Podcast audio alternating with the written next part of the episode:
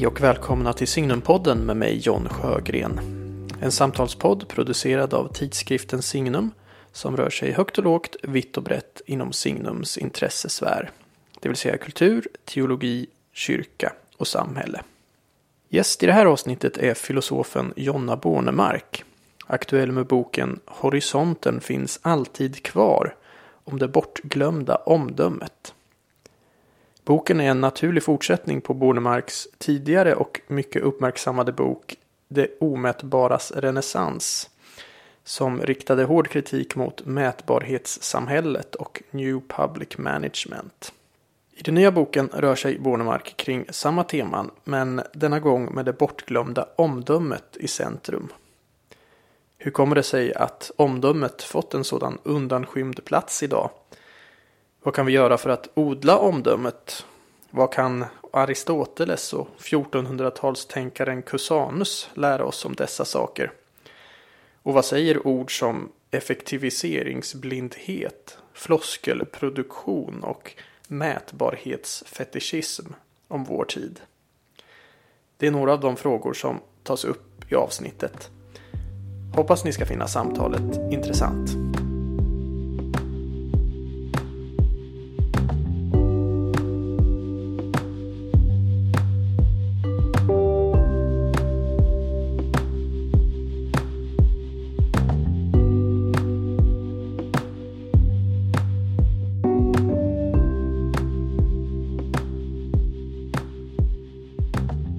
Välkommen till Signumpodden Jonna Bornemark. Tack så mycket. Vi ska prata om din eh, nya bok som har kommit ut här alldeles nyligen. Som har vid en första anblick eh, kan man tycka kanske en aning kryptisk titel. Den heter Horisonten finns alltid kvar. Mm. Och då undrar man ju vad, vilka är de här horisonterna eller den här horisonten? Mm, precis. Horisonten är de horisonter av icke-vetande, av att inte veta, som finns runt allt mänskligt liv. Det är eh, grundtanken. Tanken är att i, under moderniteten så har vi liksom glömt bort, eller vi relaterar inte riktigt till att mänskligt liv faktiskt utspelar sig inom oändliga mängder av horisonter som eh, vi inte vet. Bara om vi ser på en annan människa och, och liksom, så innebär ju det att jag ser att jag inte vet. Jag ser att den här människan har tankar, känslor, erfarenheter, men jag vet just inte vilka. Så bara att träffa en annan människa eller en annan levande varelse innebär att stå inför de här horisonterna. Just, vi sitter här och pratar nu. Så. Ja, precis. Mm. Precis som världen som sådan är liksom alltid mer än vad jag kan tematisera och göra till kunskap. Mm. Men i moderniteten då så gör vi så gärna om det här till någonting som vi ännu inte vet, som en liten saknad pusselbit. Mm. Och glömmer bort att eh, mänskligt liv alltid befinner sig inom de här horisonterna. Um, och sen så lever vi i en tid då vi gärna liksom dikotomiserar. Så här. Antingen vet vi inte eller också så vet vi.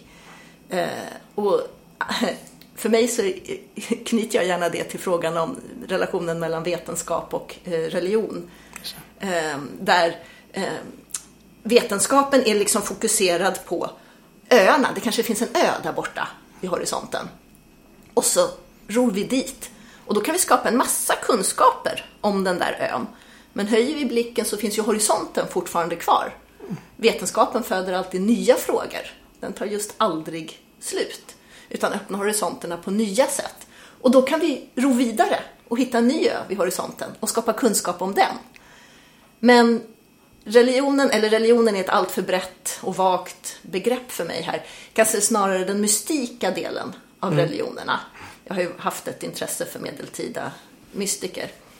Ehm, det jag tycker att de gör, det är just att intressera sig för vad det innebär att som människa leva inför att horisonterna aldrig tar slut. Ehm, den mystiken är inte så intresserad av att räkna och mäta den plats vi står på, utan snarare på hur vi som människor existentiellt förhåller oss till att vi till syvende och sist inte vet. Mm. Att vi är ändliga och världen är oändlig. Så. Men jag tror att vi behöver den här kombinationen av eh, Eh, att skapa kunskap och liksom leva på precis den plats där vi är och använda oss åt alla våra kunskapande, räknande, mätande, organiserande, systematiserande förmågor. Men förstå hur det hänger ihop med att vi hela tiden faktiskt inte vet och därmed också hela tiden måste tänka på nytt. Just det. Men eh, du, du har en ganska bra bild här för du skriver då vad, vad är det som har hänt då i mod- moderniteten? Det är att de här horisonterna, vi har gjort dem till murar istället. Eh, Vill du utveckla det lite Ja, kanske? precis. Alltså min tanke är att vi har lite svårt att förhålla oss till just de här horisonterna och, och inte ehm, accepterar våra förmågor av att stå i relation till horisonterna. Som är, kan vara sånt som, ja, alltifrån bön faktiskt, som, som innebär just att bara öppna sig för att jag inte vet, jag inte är allt. Till eh, professionellt omdöme i ett vårdyrke, av att känna av just den här situationen, just den här människan, som alltid är någonting nytt. Det är också att stå i relation till de här horisonterna. Kristendomen är inte utan skuld här och inte mina mystiker som jag tycker väldigt mycket om är inte utan skuld heller. Utan när man formulerade en religion med en Gud som blev så otillgänglig som det blev hos mystikerna. Att, att Gud är just det vi inte kan veta något om. Det som vi inte har någon riktig ehm, Ja, men det blir svårt att förstå hur den där relationen ser ut till något vi inte kan veta, som, vilket betonades väldigt mycket av den apofatiska mystiken under medeltiden. Och då blev så lätt Gud någonting som vi per definition inte kan veta något om och som finns på andra sidan en mur. Och där borta finns något som vi inte kan veta något om. Och modernitetens, sekulariseringens svar på det var ju varför ska vi ha en relation till det där som vi inte kan veta något om? Då är det mycket bättre att vi fokuserar på det som vi kan ha en relation till. Och så fortsätter sekulariseringen, den här dikotomiseringen och ökar den och fokuserar på det som går att mäta, det vi kan veta, eh, det vi kan kontrollera och ett väldigt stort begär mot att kontrollera vår värld därmed också. Eh, För det är poängen med att just om vi accepterar att vi befinner oss inom horisonter av icke-vetande så förstår vi också att vi inte kan kontrollera allt utan Ja, måste ha ett lyhördhet och ett lyssnande. Ehm, Men det vi också stängde av därmed genom att bygga upp en mur mellan det vi inte kan veta och det vi kan veta. Det är sådana förmågor som att känna. För att eh, känslan är en förmåga när vi står där i relation till horisonter av icke-vetande och funderar på vad är viktigt? Det kan vara i en specifik situation. Vad är viktigt just här, just nu? Den förmågan, då använder vi känslor, anande, förnimmande. Och precis, ja, framförallt känslan av dem, anandet, herregud, ord som intuition. Ja, men det är precis det vi då tänker att vi ska göra oss av med i moderniteten. Och så skapar vi, eh, känslor hamnar lite grann på andra sidan muren och kunskap eller för, förnuftet som då blir bara ett mätande förnuft och hugger, huggs av ifrån de här förmågorna. Som i, i en sund relation så, så måste vi kunna röra oss mellan de här olika mänskliga förmågorna. Jag tänker på när jag läser, när, hör dig prata om det nu och också, också när jag läste boken när eh, du skriver om just de murarna. Jag tänker på en annan, den kanadensiska filosofen Charles Taylor som beskriver det moderna sekulära jaget som the buffered self. Alltså, ska man översätta det, bepansrat jag eller något som eh, det moderna jaget har liksom stängt in sig då eh, och gjort sig oförmöget att ta in den här transcendenta verkligheten. Eh, och det är något liknande. Men jag tänker också på det du säger att eh, kristendomen eh, är inte utan skuld i det här. Alltså ganska mycket av det här eh, går tillbaka till vilken gudsbild man har tänker Ja. jag. Alltså för, för, för när jag tänker en, en teistisk gudsbild har ju inte det här att det har ju att Gud både är transcendent och immanent på samma gång. På något sätt. Att Gud eh, En del teistiska gudsbilder, en, en teistisk gud, gudsbild kan ju också vara ett helt isolerat gud uppe på ett moln någonstans som vi knappt eh, har någon starkare relation till. Eller? Ja, jag skulle nästan kalla det mer deistisk. Va? Eh, Förvisso, om den helt har tappat kontakten Ja. med verkligheten, eller står i tappat kontakt med det mänskliga livet. Men om man, om man då tänker sig Gud som skapare utav hela kosmos och hela världsalltet. Mm. Då måste ju på, något, på, på samma gång måste ju världen då vara vetbar på ett sätt. Eftersom den är då Eh, också logos-tanken är ju så stark i kristendomen att eh, det är genom logos då som vi förknippar med Kristus som allting har skapats. Ja, men då finns det någon slags logik i verkligheten. Vi kan faktiskt gå ut och mäta och, och räkna och väga och se och liksom eh, skapa sådan kunskap. Skapa sådan mm. kunskap. Men ytterst sett är det också någonting som är helt ovetbart och bortom mm. eh, vad, vad, vi kan greppa. Liksom. Precis, och den eh, dubbla tanken kanske är lite svår. Mm. Jag undrar om den, den eh, överlevde inte riktigt. För, för, att precis den kopplingen hittar jag ju hos, är ju jättevanlig mm. hos eh, mystiken. Att, eh, men, men, samtidigt finns det också någon sorts värdering eh, i, i, ja, men bara hos eh, Nicolas Cusanus som jag eh, jobbar mycket med, 1400-tals filosof, teolog och så vidare, eh, som står mycket i en apofatisk mystisk eh, tradition. För honom så är icke-vetandet eh, det högsta. Mm, det. Det, det. är liksom det som är högst värderat. Mm. Och eh, även om han är intresserad av, av, så att säga jordisk kunskap så blir det alltid lite, eh, kommer lite i andra hand hos honom. Medan en eh, tänkare som Giordano Bruno, som jag skrivit om tidigare, mm. eh, som levde hundra år senare, ja, men hans magiska tradition har en liten annan värdering. Där, där är, är icke-vetandet bara, eller bara, eh, det, det, är helt centralt för att vi ska kunna veta nytt. Mm. Så, att säga. så, så, så det, det, är intressant här bara hur, hur de här eh, betonandet och värderandet av det eh, Ja, så, så, att jag tänker att den här mystika traditionen, att på många sätt är det, finns det massa tankar i den som vi behöver idag. Kanske just också för att det var där någonstans som någonting började glida iväg. Mm. Så behöver vi dra ihop de där kopplingarna igen mellan eh, kunskapen och världens oändlighet. Just det. Och det är lite ditt projekt också. Ja. Får man väl säga. Ja. Fast eh, jag försöker göra det på lite olika sätt och inte mm. bara i jag är ju inte teolog, jag är religionsfilosof mm. i botten. Det är därför jag har ett intresse mm. för de här frågorna och liksom tycker att du har helt rätt i att det här handlar om, om vilken sorts gudsbild vi har i, i grund och botten. Och eh, de eh, som jag har jobbat med, eh, alltså, eh, filosofer, teologer, eh, historiska tänkare, har ofta en panenteistisk gudsbild. Eh, där Gud helt enkelt är eh, allt mm. som finns. Men samtidigt också är, är, inte bara summan av allt som finns utan är kanske eh, den rörelse som också finns i sig och som skapar, därmed liksom är eh, upphovet till allt som finns. Mm. Det är en, en, lång, man kan fördjupa sig mm. mycket i, ja. i, i, den bilden. Men, men jag bara vill mm, poängterat att jag, jag, delar verkligen den uppfattningen. Men sen så vill jag tänka den här typen av tankar, eh, vad det har för påverkan på oss som moderna sekulariserade människor idag och hur vi organiserar oss och hur vi tänker på sånt som kunskap och känslor och annat. Precis, det är det du framförallt gör i boken. Precis, Visst, den här vi... boken handlar ju, den fördjupar sig inte i någon eh, teologisk diskussion. Nej, det är bara, det är bara jag som tycker det är intressant att, att snacka om det här. Ja, det är jag. trots allt Signumpodden här. Ja.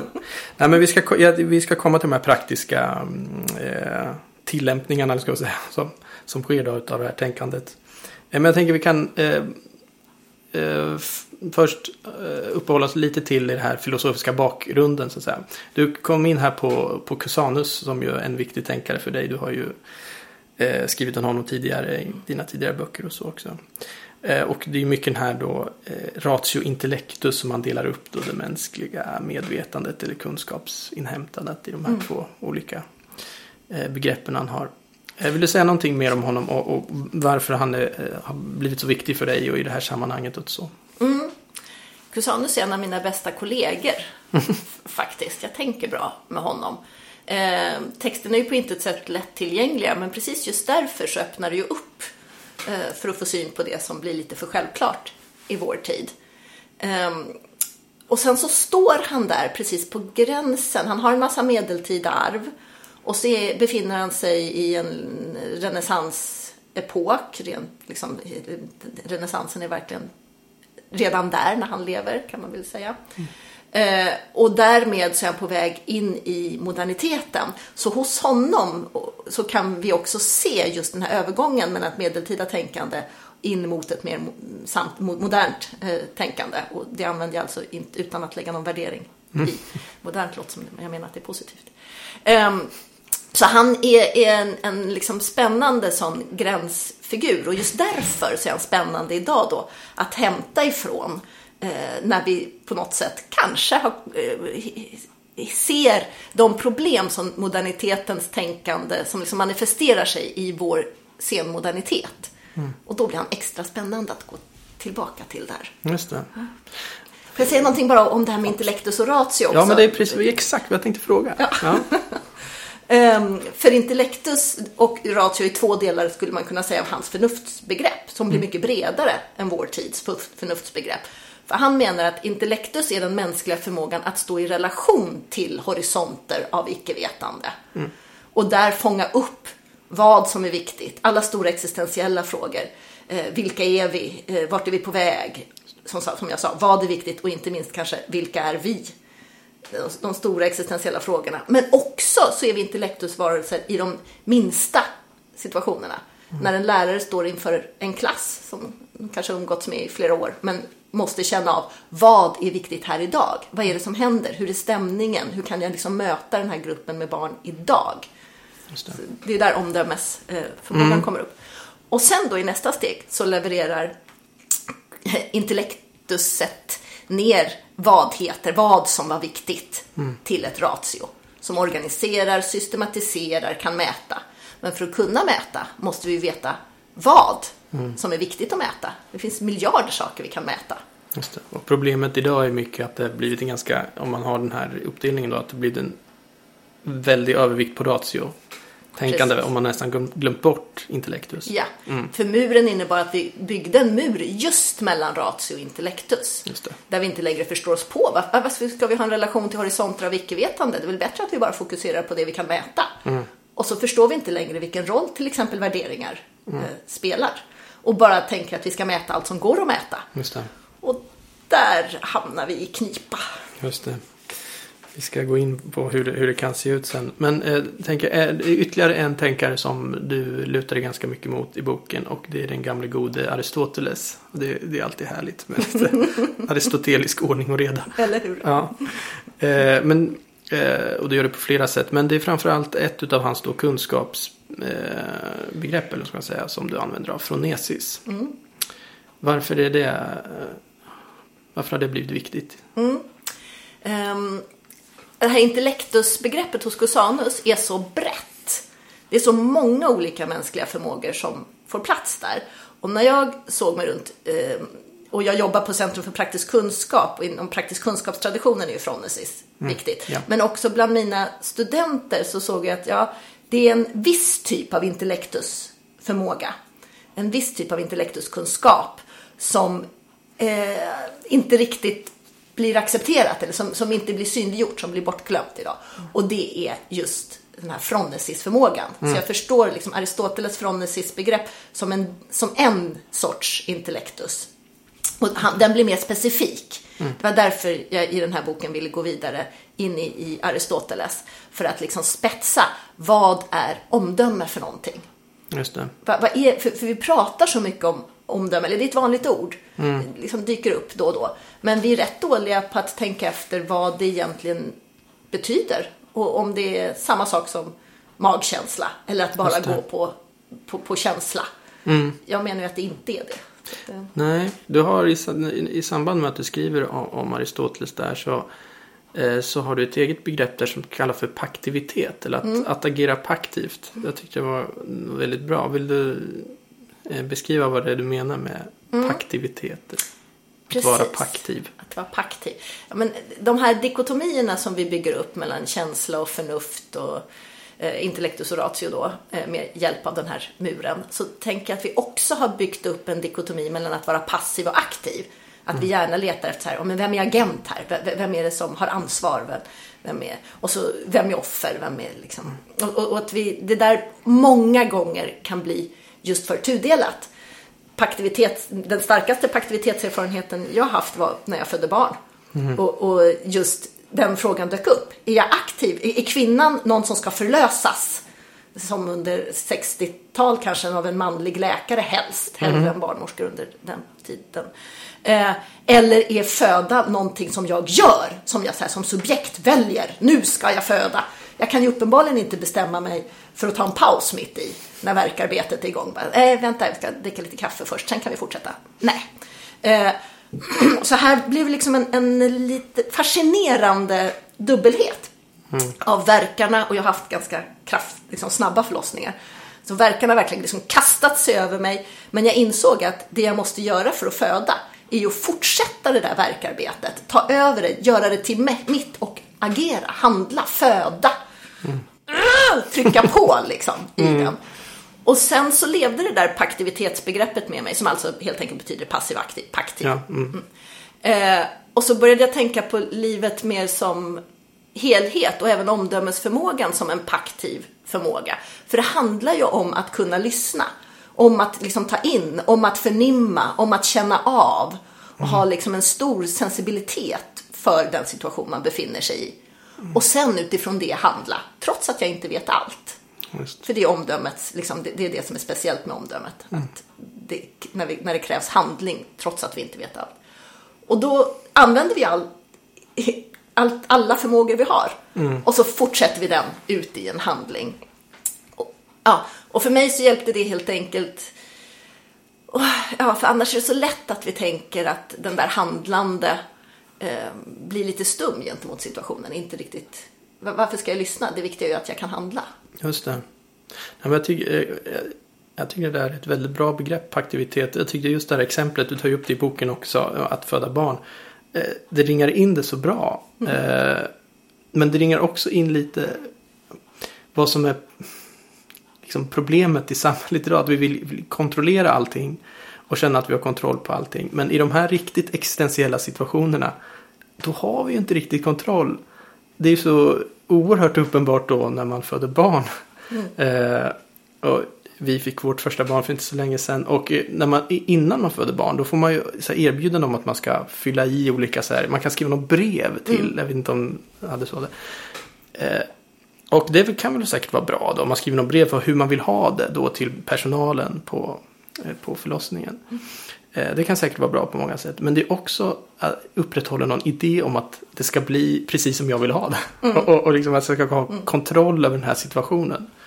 Men när man väl är där så blir det ju smärtsamt tydligt då att det här har man ju ingen kontroll på. Eller alltså, man måste förhålla sig aktivt. Ja, Ja. precis. För det blir fel. Du, du avbröt dig själv lite precis där. Ja. Det här har man inte kontroll på. Så bara, ja, Jo, men, men- det är ju inte riktigt. Det, är våra, både våra ord räcker inte riktigt. Nej.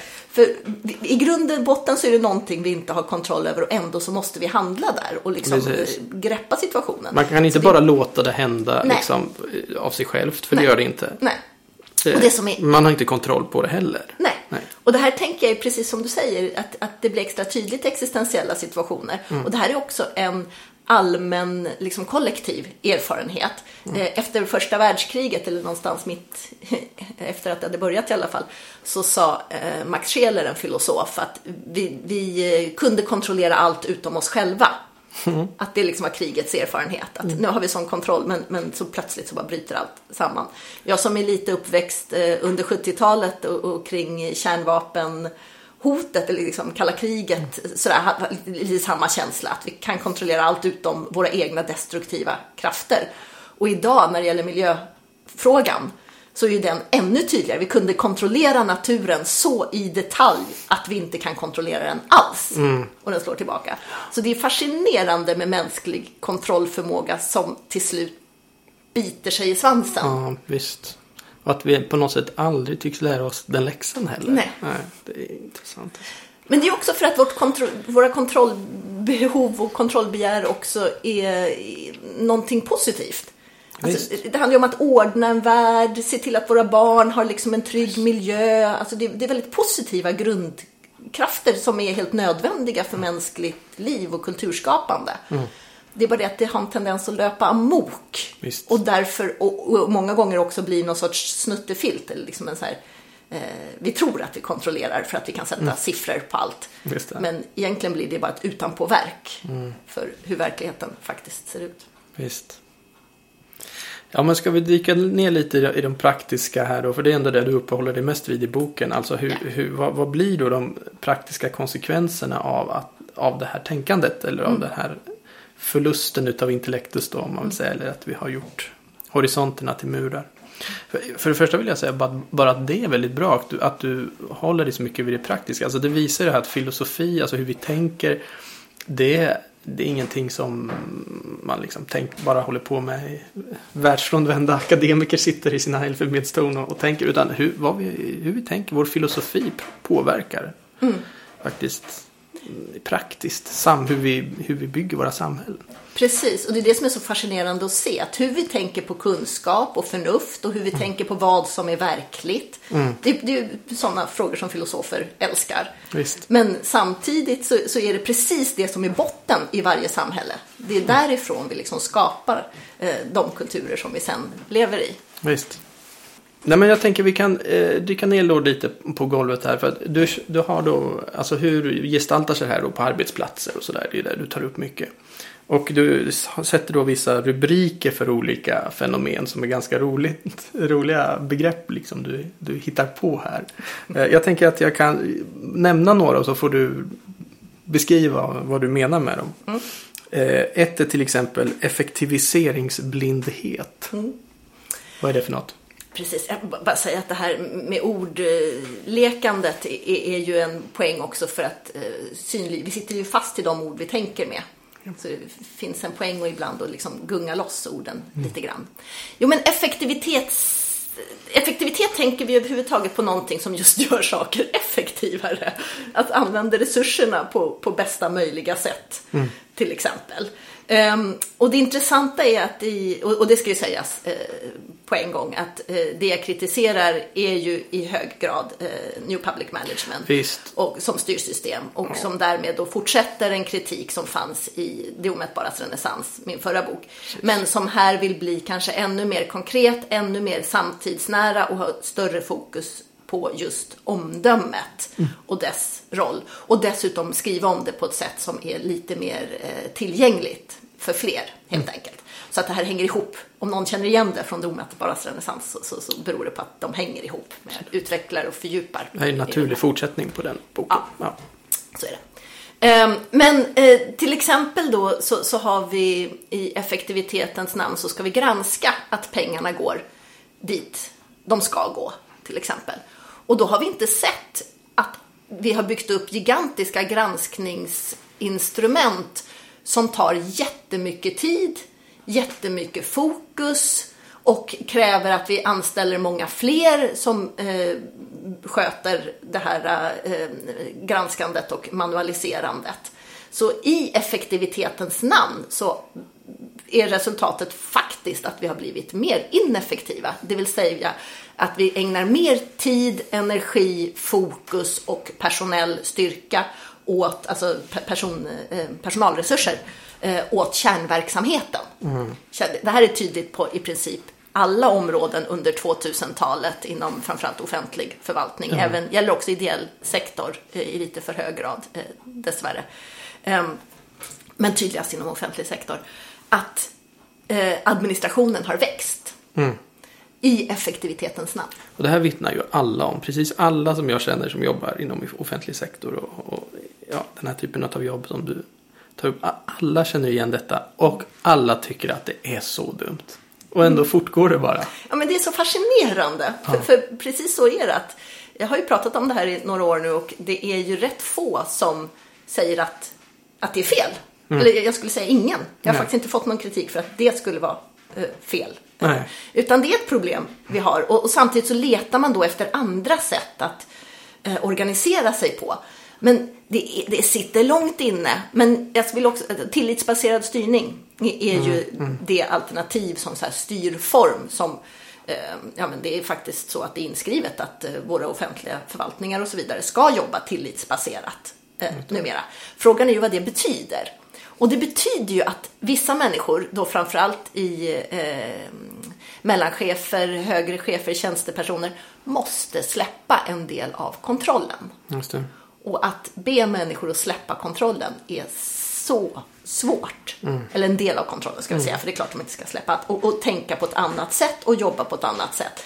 Och här är det som att vi också har, vi tror att all kunskap ska vara samlad i administrationen.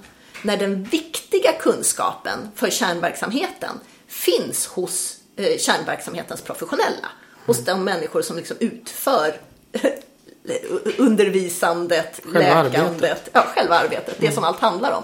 Och det intressanta idag är ju att de där kärnverksamheterna ibland blir en liten tarm, nästan som, en, som är till för att producera rätt siffror å- åt huvudkroppen.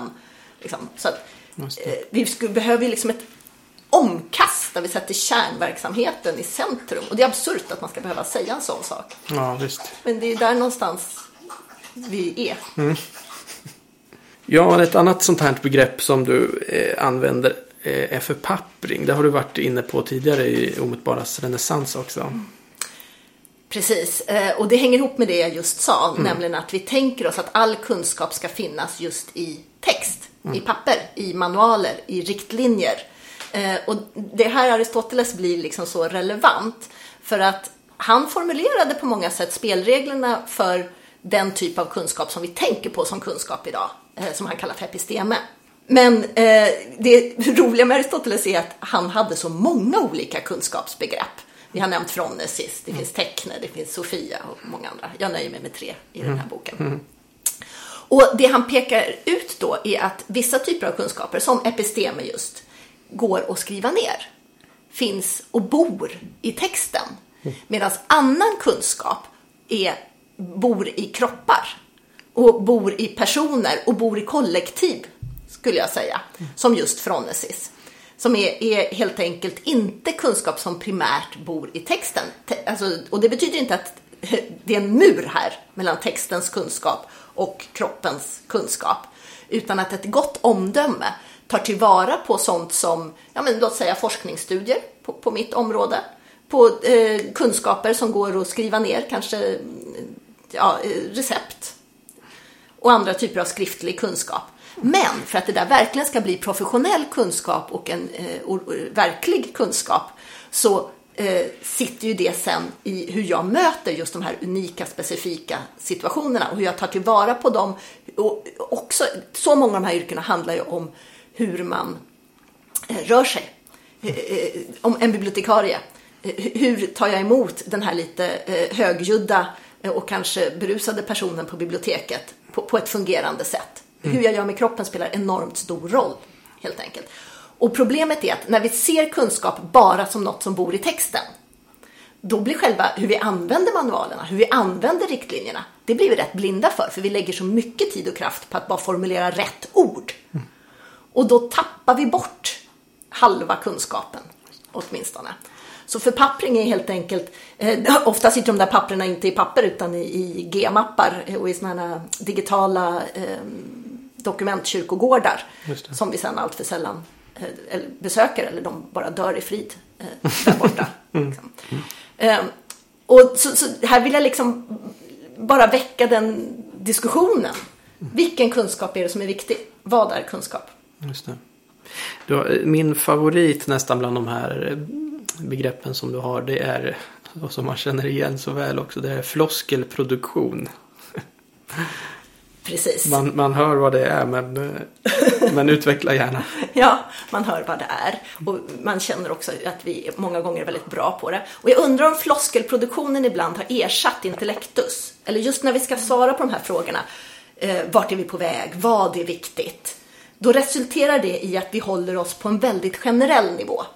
Och att vi just producerar floskler, ord som låter liksom snygga och som vi kan använda i, i eh, varumärkesskapande och, och blåsa upp på en hemsida. Och så återigen så glömmer vi bort vad de där orden betyder konkret och i praktiken. Och det är för att eh, eh, bredvid den här att vi tror att kunskapen ska finnas i papper eh, så tänker vi också att kunskaperna ska finnas just i det generella och glömmer bort det konkreta. Och glömmer bort att lyfta upp svåra situationer till exempel eh, alla gråzoner som finns i ett yrke. Vi är lite för snabba. Okej, blev det rätt eller blev det fel? Eh, följde det manualen eller följde det inte manualen? Ja, det följde inte manualen. Ja, men då ska vi gå vidare och liksom göra någon anmälan. Eller följde det manualen? Ja, bra, då behöver vi inte prata mer om det.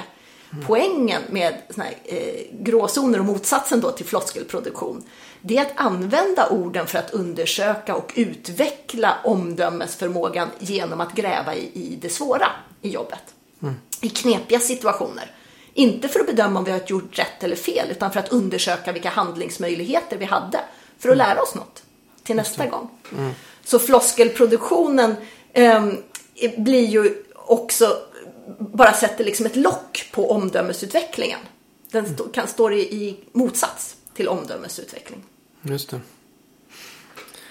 Eh, ett annat sånt här begrepp du har det är, ja, vi har varit inne på det redan men det är ganska bra, alltså mätbarhetsfetischism. Ja. Mm.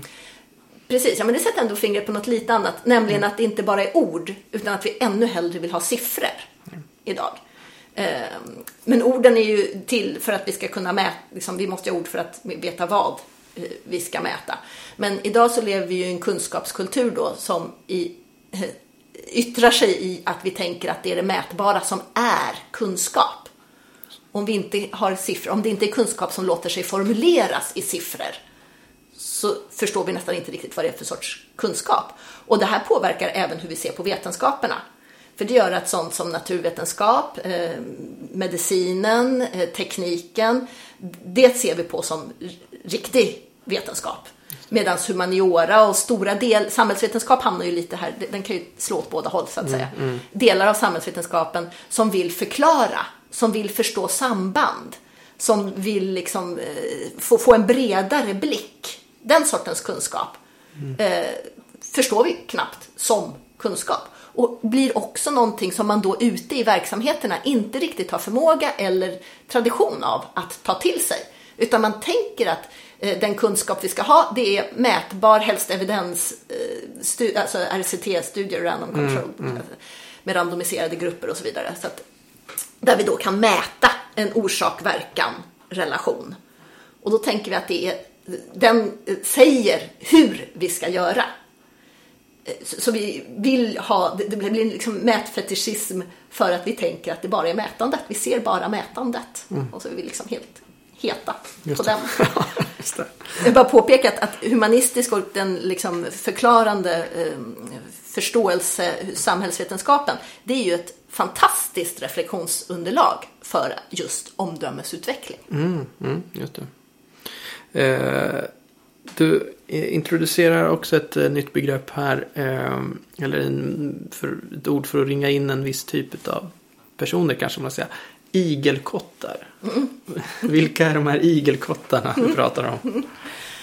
Precis, ja, men, eh, när jag har varit, pratat mycket om de här frågorna så insåg jag också en anledning till att man inte så snabbt ändrar om. Eller vi förstår att ja, men det är någonting som har blivit lite galet. Effektivitetshetsen mm. har slagit tillbaka.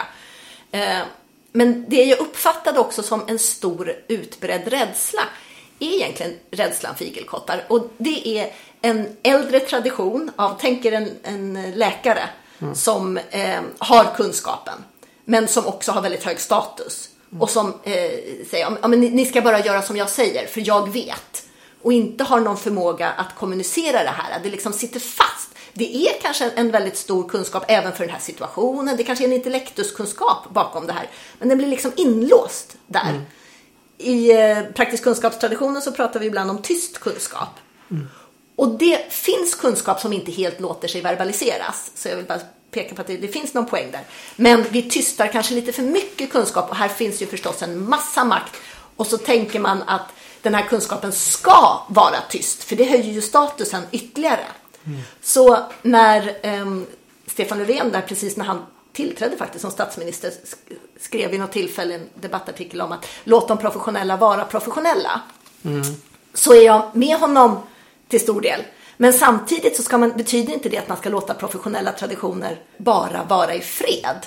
Att, för då blir de just, det finns en risk för igelkotteri. Och framförallt när professionen då, eh, det är många människor med samma erfarenheter eh, som då kanske saknar en massa andra människors erfarenheter och så blir det liksom inlåst. Utan det vi måste göra är att fortsätta utmana den professionella kunskapen. Men det vi gjort idag är ju in, att, att skriva manualer och kontrollera och granska. Det är inte att utmana.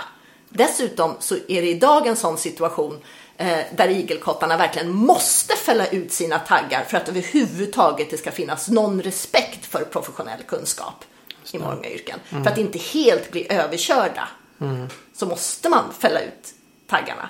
Och här måste vi jobba på ett liksom bättre sätt mellan eh, det som låter sig verbaliseras och ett utmanande av professionell kunskap. Just det, det är en balansgång. Mm. Ja, men då har vi ringat in några sådana här saker som är problemet då. Men du har ju en, eh, en avdelning i boken också som är då du pekar framåt mot någon eh, ett lösning. Hur vi då kan odla omdömet konkret. Eh, och jag tänker, du- du har några rubriker där också. Jag tänker jag kan nämna några av de rubriker som finns där så får du kommentera det lite. Eh, och ett du har är ju det att vi ska eh, ta vara på kroppens eh, kunskap. Precis. Varför blir kroppen så, så, så viktig här? Ja, men för att vi är kroppar och vi också hör till en tradition som lite grann har glömt bort att vi är kroppar. Och det är eh, kroppens sinnes, alltså, sinneskunskapen som också, alltså sinnligheten fångar ju upp det som händer precis just nu. Så, vad, vad jag hör, känner, luktar, smakar, ser. Eh, det, det är ju eh, en förmåga som knyter till ett nu och ett här. Och vi är så snabba idag på att leva i sen och där borta. Och i generaliteter och i abstraktioner.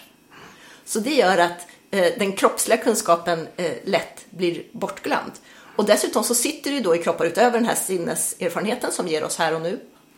Så eh, är ju kroppar eh, knippen av vanor. Som också eh, har sina, det här, det här märker man ju väldigt tydligt.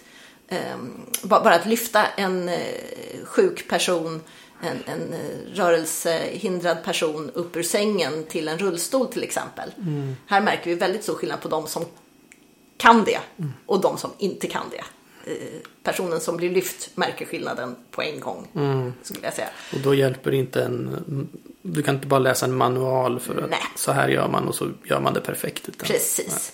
Så här så finns det så många, utöver den sortens liksom tekniker, så ligger ju, också jag pratade om den här bibliotekarien innan, som eh, i bemötandet, det är också en kroppslig kunskap. Och att eh, vara lärare är också att kunna hålla ett rum och, och hålla en grupp och ge liksom ramarna för det. Och det är också ett kroppsligt arbete.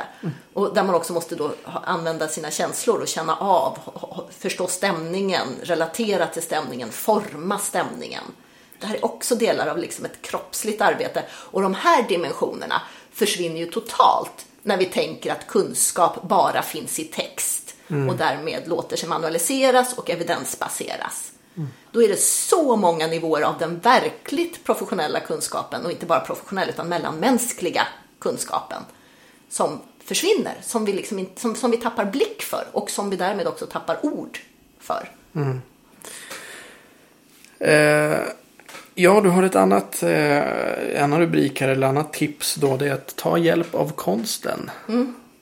Jo, men det, det här går ju att tolka på flera olika sätt. Dels är det ju så att konstnärens blick när det gäller att utmana igelkottar, när det gäller att, att utmana professionell kunskap, så kan eh, det konsten gör är ju att hela tiden försöka formulera, eh, fånga, uttrycka, gestalta vad som är viktigt här och nu. Kanske på en samhällelig nivå, kanske i en specifik kontext. Och konstnärer har ofta en, en väldigt, jag menar bara att gå och se en föreställning om någonting som är viktigt i en viss profession. Låt säga ehm, ett gäng med eh, sjuksköterskor och undersköterskor och eh, arbetsterapeuter som vill jobba med, med vad empati betyder i deras jobb. Tänker att empati där är, en, en grundläggande ord som just inte låter sig mätas, inte låter sig manualiseras, men utan det så finns inte de här yrkena. Eh, läkaren kan vi stoppa in där också. Verkligen. Och om man då går och ser en föreställning som tematiserar eh, empati så får man också djupare förståelse för det, man får eh, ord, man får ramar man, och man pratar om det tillsammans, knyter det till egna konkreta erfarenheter mm. så kan man jobba med det. Eh, man, man, kan eh, både verbalisera det, få syn på det, känna det mm. och därmed faktiskt bli bättre på sitt jobb. Just det. Så, men, men, konsten i sig måste jag säga har ju liksom en intressant ställning här. För vi har lite svårt att förstå konsten. Och säger jag så så finns det nog många som blir rädda att ja, men gör vi inte då konsten bara till ett instrument för mm. andra syften?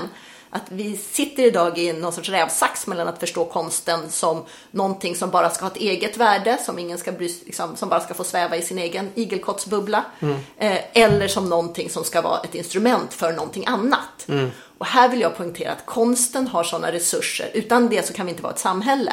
För det konsten är ett av de centrala om, förmågor som vi har, områden, för att fånga upp vilka vi är, vart vi är på väg och så vidare. Mm. De där mm. stora frågorna. Och kan göra det även i relation till yrken. Just. Så att det handlar inte om instrumentalisering, för då skulle vi redan veta vad, eh, vart vi är på väg. Just det. Vart det här är, utan konsten måste ju vara fri. Mm. Bara så, så kan den verka i ett samhälle. Just det. Jo men det är du tydlig med det i boken också. Alltså kulturen är ju, eller konsten är ju liksom en, någonting helt grundläggande i kulturen. Det är inte något du har någon bild av att det är inte grädden på moset utan det är tallriken som moset ligger på. Så att precis. Ja. precis. Så att det, det, är bra att du är tydlig med det tycker jag. Mm. Mm. Eh, en annan rubrik du har där i det här då hur man kan odla omdömet eh, är att använda paradoxerna mm. eh, som arbetsredskap. Precis, jag har ju eh, som sagt jag kommer ju från den här mystikertraditionen. Och någonting som eh, den där medeltida mystikertraditionen var bra på var att tänka paradoxer och förstå paradoxer.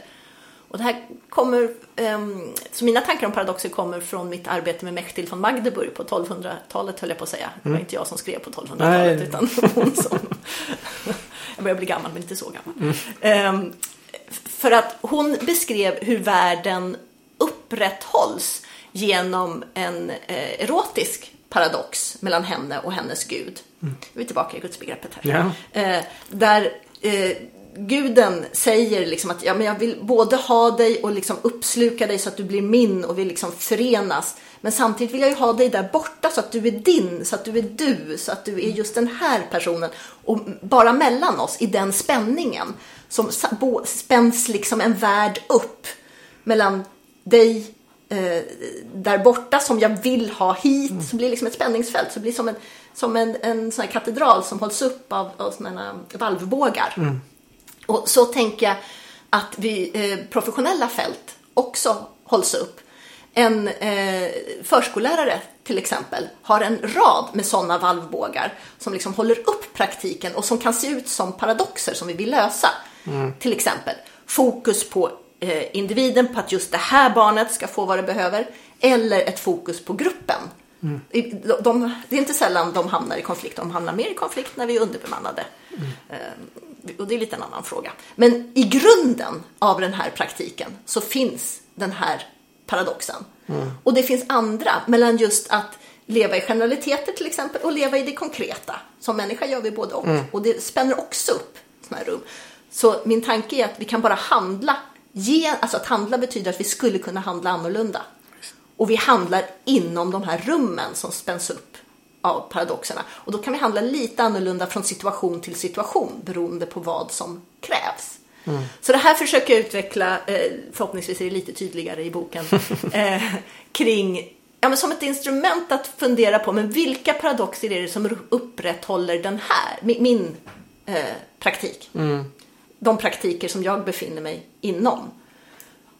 För ett problem har, tycker jag har varit att vi tänker att vi ska lösa dem. Att vi ska säga att det är det här som är viktigt, inte det här. Mm. Och då missar vi eh, andra sidan så att säga. Mm. Ja, det där kan man ju generalisera till hela livet på något sätt. Mm. Tänker jag. Alltså det, jag tänker att väl mycket av de problem som uppstår för oss människor det är att vi inte kan hantera paradoxerna. Mm. Men, men livet består av paradoxerna. Ja. Det är helt ofrånkomligt mm. och vi måste hantera paradoxerna. Ja. Men vi har en tendens då att vilja eliminera paradoxerna istället. Men då gör vi istället bara våld på verkligheten och, och allt blir bara mycket värre. Så vi måste kunna stå i det här både och och hantera det. Och det är egentligen det är ju hela projekt på något sätt. Grunden för det. Ja, och hitta en sinnesfrid. Någon sorts, även om det sliter i oss och vi hamnar i svåra situationer och liksom dilemman och sådär. Att ändå ha, hitta någon sorts, en annan typ av existentiell sinnesfrid i att ja men det är det här livet är. För nu med våran liksom gigantiska kontrolltanke så är det som att vi också har ett krav på oss att allting ska hitta rätt lösning. Och vara tryggt och säkert och oproblematiskt Visst. för alla och hitta liksom, nu är vi lyckliga. Mm. Väldigt svårt för ordet lycklig. Ja, För, det, ly, för lycklig används ofta just som att paradoxerna upphävs. Eller Ja. att det bara finns, nu är allt bra från alla. ja precis. Och det är inget att sträva efter egentligen. Om det är definitionen av lycka så är det inget att sträva efter. För det är omöjligt. Och bara gör oss sjuka på vägen. Sjuka, ännu olyckligare om inte Ja. annat. Nej men här tänker jag, det är ju svårt att inte än en gång då komma in på religionen här tänker jag. För att eh, nu är det ju nästan så här pinsamt förutsägbart att från konfessionellt håll skylla allting på sekulariseringen. Men alltså det spel, har väl ändå spelat en stor roll i det här tänker jag. Att när inte religionen längre finns som ju man kan då definiera som det yttersta förhållandet till något det icke vetbara. Så. När det inte längre finns som en aktiv del i kulturen eller faktiskt som det tidigare har varit en, en grund för hela kulturen.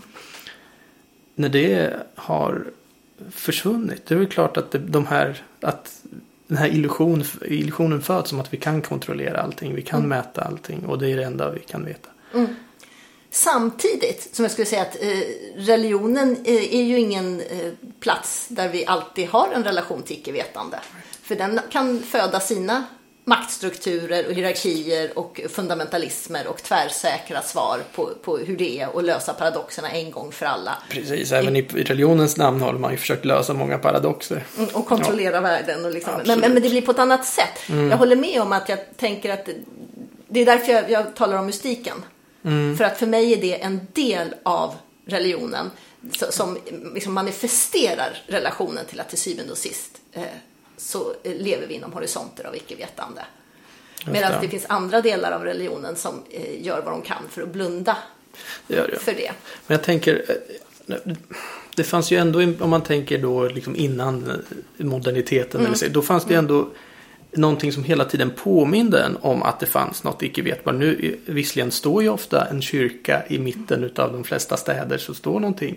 Men man kanske har glömt bort vad det, vad Mm. det betyder. Men förut var det ändå någon slags konkret påminnelse om att någonting som pekar liksom uppåt mot det transcendenta, mot någonting vi inte vet. Mm. Eh, Och det var mer en, en integrerad del av människors liv, någon slags förhållande till, Mm.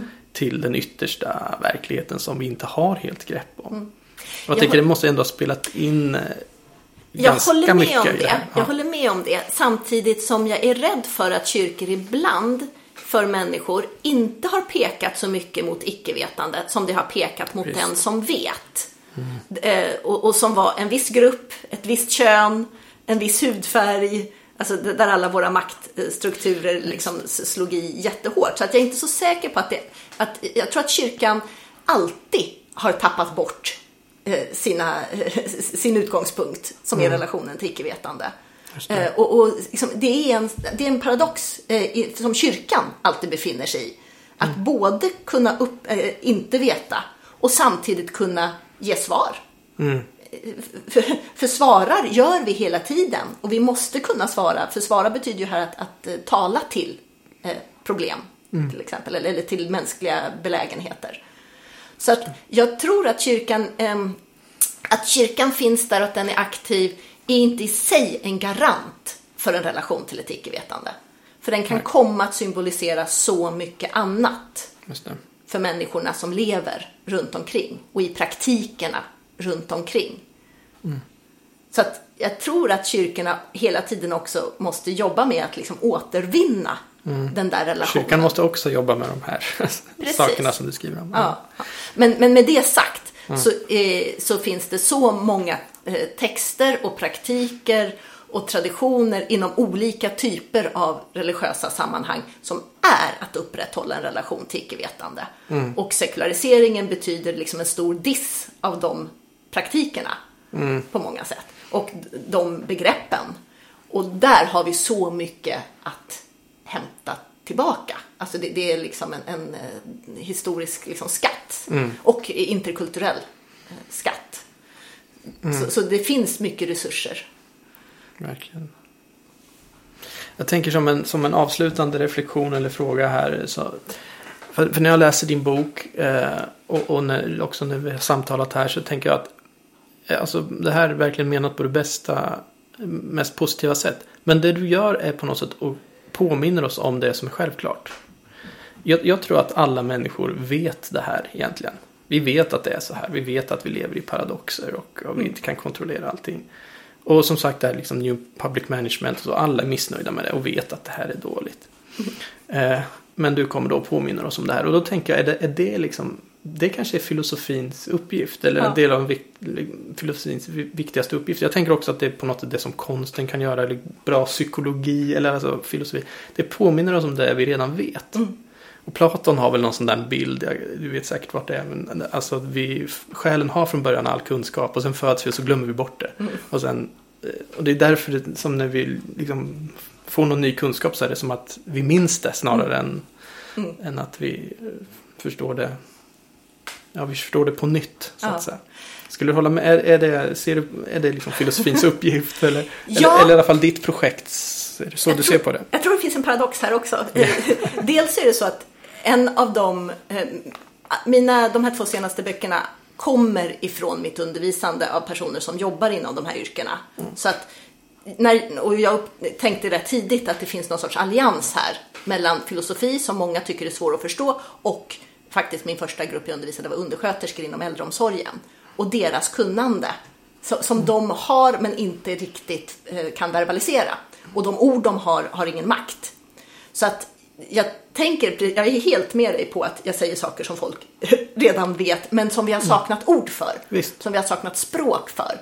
En av de eh, vanligaste kommentarerna som jag brukar få när jag är ute och, och föreläser och träffar folk så är att ja, men du sätter ord på saker som jag eh, känner. Mm, som jag vet. Så. Mm. Och då tänker jag, men jättebra, det är faktiskt precis det jag vill göra. Men sen skulle, skulle jag vilja ta det ett snäpp andra änden, är ju också att låta vissa ord vara eh, lite tomma. Att faktiskt, men hur vet vi det här? Mm. Hur, vad är det jag känner? Vad är det som sitter i traditionen? Vad, vad, är det liksom för abstraktioner som finns här? Vad är det för sinnesförnimmelser eh, i ett sånt ord som intellektus? Eller för den delen omdöme eh, idag. Och att det är därför jag ofta vill behålla en del grekisk fronesis. Eh, behålla eh, grekiska, latinska ord som jag nu eh, det är de språk som eh, de här, mina mm. ursprungstexter kommer ifrån. Yeah. För att vi i orden inte redan ska veta allt. Mm. Att vi där kan lyssna både till oss själva, till andra och till världen som alltid sträcker sig bortom oss. Så jag vill även här liksom hålla en sån här paradox levande. Det här är saker vi redan vet. Men det finns dimensioner i det, det finns liksom djup i det som berör just att vi faktiskt inte vet. Mm. Det är bra. Låt oss eh, försöka landa i den paradoxen och vila i den paradoxen. Mm. Och låta det bli avslutning här. Tack Jonna Bornemark för att du gästade Signumpodden. Mm, tack själv. Och tack alla ni som har lyssnat och lyssna gärna på oss igen i nästa avsnitt. Hej så länge.